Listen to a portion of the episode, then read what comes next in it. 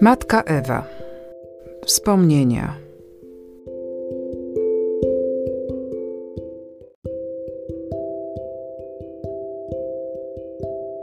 Spacer po terenie ostoi pokoju. A jak wygląda to wszystko dzisiaj? Upłynęło blisko 40 lat od dnia poświęcenia naszego pierwszego domu, który nazwałyśmy Ostoją Pokoju. Nazwę tę przyjęłyśmy później dla całego dzieła Miechowickiego, również dla jego diakonatu. Od tego czasu powstały na naszym terenie 24 domy. Poza Miechowicami posiadamy 38 domów dla bezdomnych. Oprócz tego siostry nasze wypełniają służbę w szpitalach, domach wychowawczych, domach starców, pracują też w duszpasterstwie więziennym. Zakres naszej pracy rozciąga się na cały kraj, a również poza jego granice. Między innymi mamy też dwa domy w Polsce, w Warszawie i Łodzi. Bierzemy udział w pracy misyjnej w Chinach, Afryce, Ameryce Południowej, Laponii i na Wyspach Salomona. Tak to wygląda w skrócie. Teraz zrobimy sobie mały spacer po naszym terenie miechowickim i odwiedzimy poszczególne domy. Wchodzimy na teren od strony północnej przez główną bramę i znajdujemy się na szerokiej alei wysadzanej po obu stronach lipami. Wzdłuż tej alei ciągną się nasze zabudowania, które powstawały stopniowo w różnych okresach czasu, zależnie od potrzeb i posiadanych środków. Zakończeniem alei jest nasz mały kościółek, obecnie obsługujący całą parafię miechowicką. Zaczynając od bramy wejściowej, mamy po lewej stronie piękny, słoneczny budynek, któremu dałyśmy nazwę z powodu jego położenia i naświetlenia Kraina Słońca. Są tu obszerne, jasne pokoje przeznaczone dla niemowląt, w innych pomieszczeniach ulokowane są dzieci chore i niedorozwinięte. W domu tym mieszkają rodzinki motylków, rajskich dzieci, słonecznych promyków. Po drugiej stronie Lipowej Alei, tuż przy bramie, znajduje się budynek administracyjny, a do niego przylega rząd budynków gospodarczych oraz rzemiosła i pralni. Na piętrze są mieszkania naszych współpracowników i ich rodzin. Nad pralnią usytuowane jest biuro, w którym dwie siostry prowadzą kartotekę naszych podopiecznych. Mamy tych kart ponad 1200. Jest to bowiem rejestracja dzieci nie tylko mieszkających u nas na miejscu, lecz również w naszych zewnętrznych placówkach. Mamy tu również biuro listów i korespondencji urzędowej z władzami administracyjnymi i placówkami w terenie. Po lewej stronie głównej alei, z tyłu za krainą słońca, oddzielone pasem zieleni, mieści się schronisko dla nieżonatych współpracowników naszego domu. Obok stoi piekarnia obsługiwana przez siostry, dalej schronisko dla czeladników, pracownia szewska i dzienne pomieszczenie dla pracujących, a więc świetlica – a z tyłu pod dużą gruszą położony jest podłużny barak dla zebrań Błękitnego Krzyża. Obok baraczek dla przedszkolaków. Tam bywa przeważnie dość głośno i wesoło. Przebywa tu przeważnie w ciągu dnia 80 maluchów, przyprowadzonych rano, a zabieranych przez matki po południu. Wieczorem dwa, trzy razy w tygodniu gromadzą się tu kobiety przychodzące po różne porady gospodarskie oraz uczące się szycia i robót ręcznych. Idąc dalej Aleją Lipową, dochodzimy po lewej stronie do pięknego białego baraku o nazwie Maranata, który mieści szkołę dokształcającą dla młodych sióstr. Odbywają się tu kursy z zakresu pielęgniarstwa. Środek baraku stanowi wielka sala wykładowa, zaś po jej obu stronach znajduje się 20 małych pokoików jednoosobowych. Każdy z nich ma wypisaną na drzwiach jakąś nazwę biblijną – Budynek ten powstał z daru mojej siostry Heleny, która na ten cel ofiarowała kosztowny sznur pereł. Z kwoty osiągniętej z jego sprzedaży wybudowaliśmy ten piękny barak szkoleniowy. Przy głównej alei wznosi się nasz najwyższy budynek na terenie. Jest to Cisza Syjonu. Jest tam ogromna sala jadalna na 100 osób, a po usunięciu stołów i mebli mieści się w niej nawet kilkaset osób. W czasie zgromadzeń misyjnych i ewangelizacji oczywiście. Bywali w tej sali wielcy misjonarze i kaznodzieje znani w całym świecie. Przeżywaliśmy tutaj podniosłe chwile duchowych przebudzeń i nawróceń wielu ludzi. Otaczająca salę na pierwszym piętrze galeria ma wejścia do pojedynczych pokojów siostrzanych.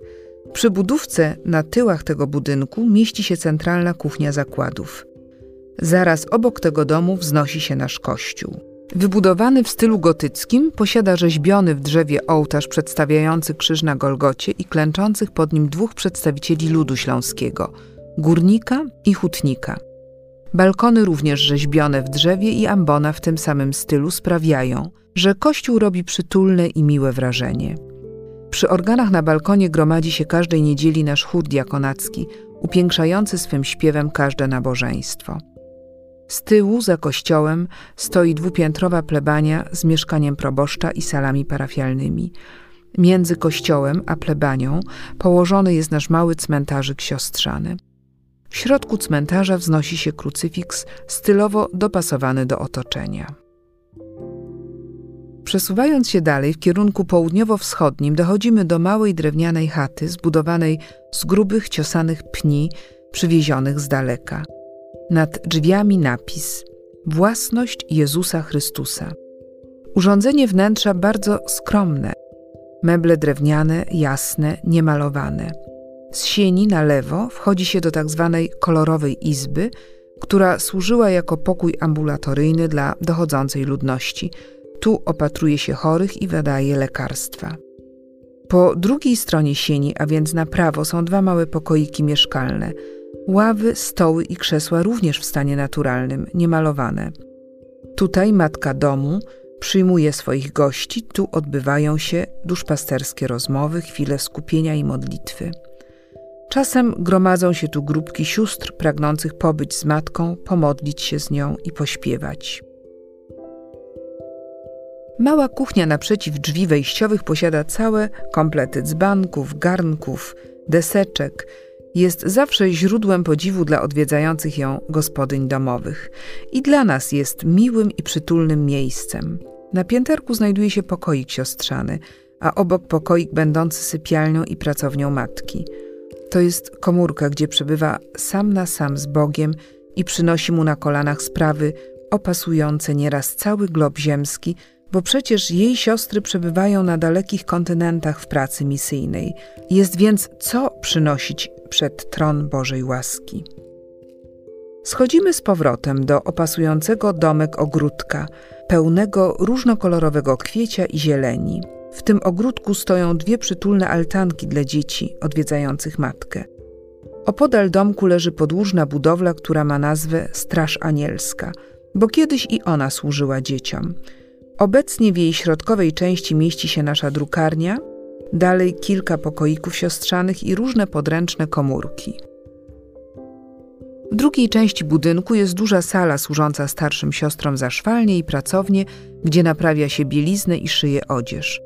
Obok mały pokój, w którym mieści się ewidencja i kartoteka pięciu tysięcy tak zwanych gwiazd i gwiazdek rozsianych po całym świecie. Jest to instytucja specyficzna dla naszego dzieła.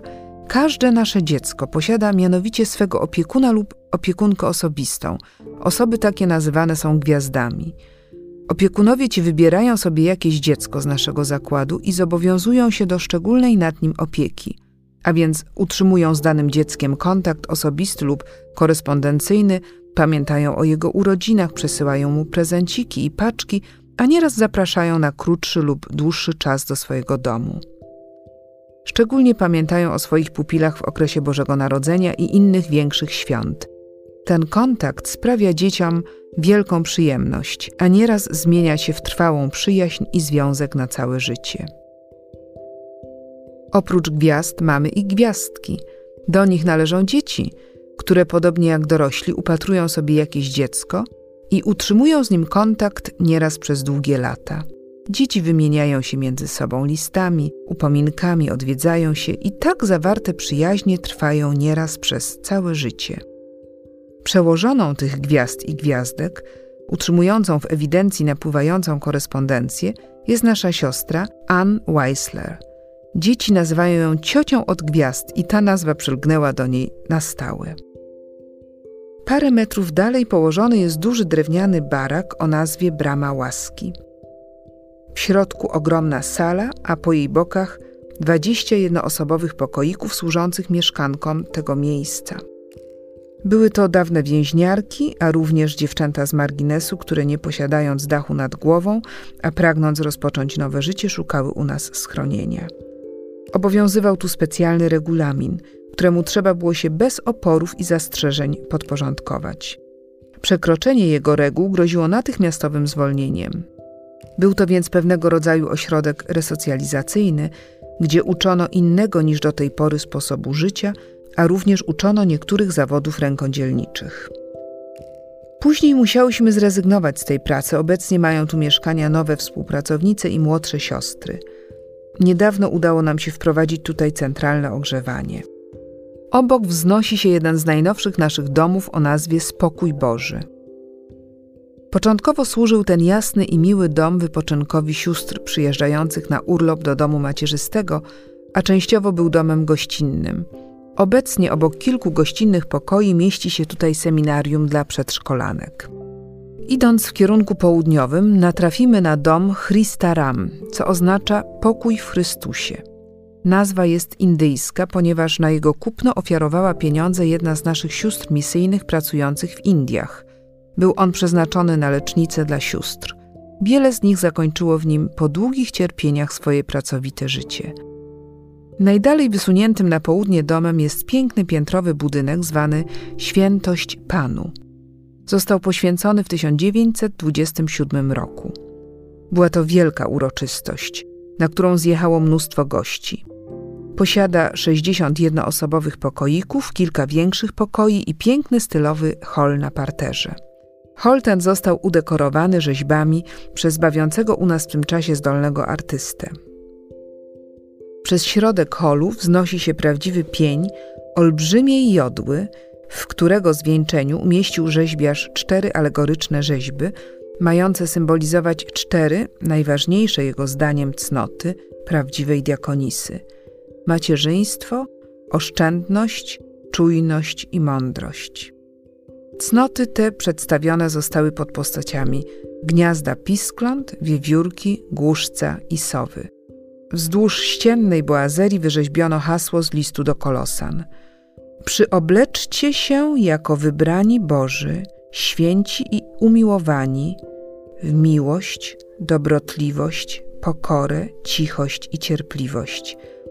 A ponadto przyobleczcie miłość, która jest spójnią doskonałości. Dom ten jest jednym z pomników łaski i wierności Bożej, jakich doznałam wiele na tym miejscu. Gdy go rozpoczynałam, całego majątku posiadałam 500 marek, a zakończony został dwa lata później bez grosza długu. Nigdy o nic ludzi nie prosiłyśmy. Wszystko, co potrzeba, otrzymałyśmy w odpowiedzi na ufne modlitwy. Dlatego na portalu domu umieściłyśmy napis Bóg wysłuchuje modlitw. Wracając od tego domu, idąc w stronę północy, znajdziemy się przed naszym pierwszym domem, poświęconym w dniu 29 września 1890 roku. W miarę upływu czasu nastąpiły i tu konieczne modyfikacje i zmiany w układzie domu. Na parterze, w długim narożnym pokoju od strony północnej, gdzie kiedyś przebywały nasze maluszki, obecnie mieści się pokój biurowy. Obok pokoik informacyjny, dalej kilka pokoi siostrzanych, większy pokój z witrażami, który służył zebraniom sióstr. Na werandzie mieszka wspomniana wcześniej siostra Ann Weisler. Tu spotykają się siostry czasem na bardziej osobistych rozmowach. Na pierwszym piętrze znajduje się wielka sala sypialno-mieszkalna, którą zajmują krople rosy. Naprzeciwko położona jest nasza domowa kaplica, w której codziennie o godzinie 7 rano gromadzą się domownicy na porannej modlitwie – Nieraz i w ciągu dnia wpadają tu siostry na chwilę modlitwy w pilnych sprawach domowych lub osobistych. W chwilach szczególnie trudnych dla zakładu trwa w kaplicy dyżur nieustającej modlitwy, na którym siostry co jakiś czas się zmieniają i tak przez całą dobę. Raz w tygodniu, przeważnie w piątki, odbywają się tu wieczorne rozmyślania i modlitwy. Gdy gości w domu jakiś ważny kaznodzieja lub misjonarz, zbieramy się w kaplicy – aby wysłuchać przemówienia czy kazania. Tu odbywają się również uroczystości wyświęcania naszych sióstr, ale w ścisłym gronie siostrzano-rodzinnym. Na północ mieści się dom Talita Kumi, w którym mieszkają 24 dziewczęta, tak zwane córki domu. Mają tu duży pokój mieszkalny i trzy sypialnie. Dziewczęta pomagają w pracach domowych, a jednocześnie pobierają nauki z zakresu gospodarstwa domowego i rodzinnego. Uczą się gotowania, szycia, opieki nad dzieckiem. W budynku zamykającym kwadrat podwórza wewnętrznego znajduje się region uczennic i próbnych sióstr, dla których przygotowano tu 50 łóżek rozsianych po różnych pokojach przyległych budynków. Tu mieszka również siostra wychowawczyni opiekująca się próbnymi siostrami, a większy pokój od strony południowej służy gromadzeniu się próbnych sióstr na wieczorne modlitwy i posiłki. Każde łóżko odgrodzone jest od innych firanką albo cienką ścianą przegrodową, aby zapewnić mieszkance choćby minimum własnego kącika, gdzie może być sama. Uważam, że każda musi mieć miejsce na chwilę wytchnienia, refleksję, zastanowienia się. W tych pomieszczeniach zaczyna się szkoła życia diakonackiego. Zasadniczo pobyt siostry próbnej w domu macierzystym powinien trwać przynajmniej jeden rok. Niestety ogromne zapotrzebowanie na diakonisy w terenie sprawia, że nieraz już po pół roku szkolenia wysyłamy je na zewnątrz. Dla większości z nich pobyty w domu macierzystym okazują się bardzo korzystne. Uregulowany czas pracy, uregulowany czas wypoczynku sprzyja również rozwojowi fizycznemu. Dziedziniec wewnętrzny zamykają budynki, które są zapleczem domów mieszczących się przy głównej alei. Tutaj, od strony dziedzińca, znajduje się jaskółcze gniazdo. Jest to nasza najstarsza rodzinka obejmująca 20 dzieci różnego wieku i rozwoju. Nad nim mieści się rodzinka Radość Matki z dwunastorgiem dzieci. Każda rodzinka posiada własną mateczkę oraz ciocię, to znaczy siostrę pomocniczą. Obie poświęcają się całkowicie swojej rodzince na wzór rodziny naturalnej. Każda rodzinka prowadzi swoje własne gospodarstwo, własną kuchnię, mały ogródek z warzywami i kwiatami. W ten sposób stwarza się rodzince możliwość prowadzenia własnego, indywidualnego życia – umożliwia stworzenie wspólnoty rodzinnej, w której wszystkie dzieci biorą udział w domowej pracy, gospodarstwie, w uprawie ogródka, a nieraz hodowli własnych króliczków, co dzieci bardzo łączy i co one bardzo lubią. Ponieważ w Miechowicach mamy mocno ograniczone możliwości mieszkalne, zdecydowałyśmy się na pozostawienie u nas samych dziewczynek. Natomiast chłopców umieszczamy w innych domach, poza naszym macierzystym terenem. Życie w naszych rodzinkach jest radosne i naturalne, dlatego więzy, które tu się zawiązują, trwają długo, również po opuszczeniu naszego zakładu. Nieraz trwają przez całe życie.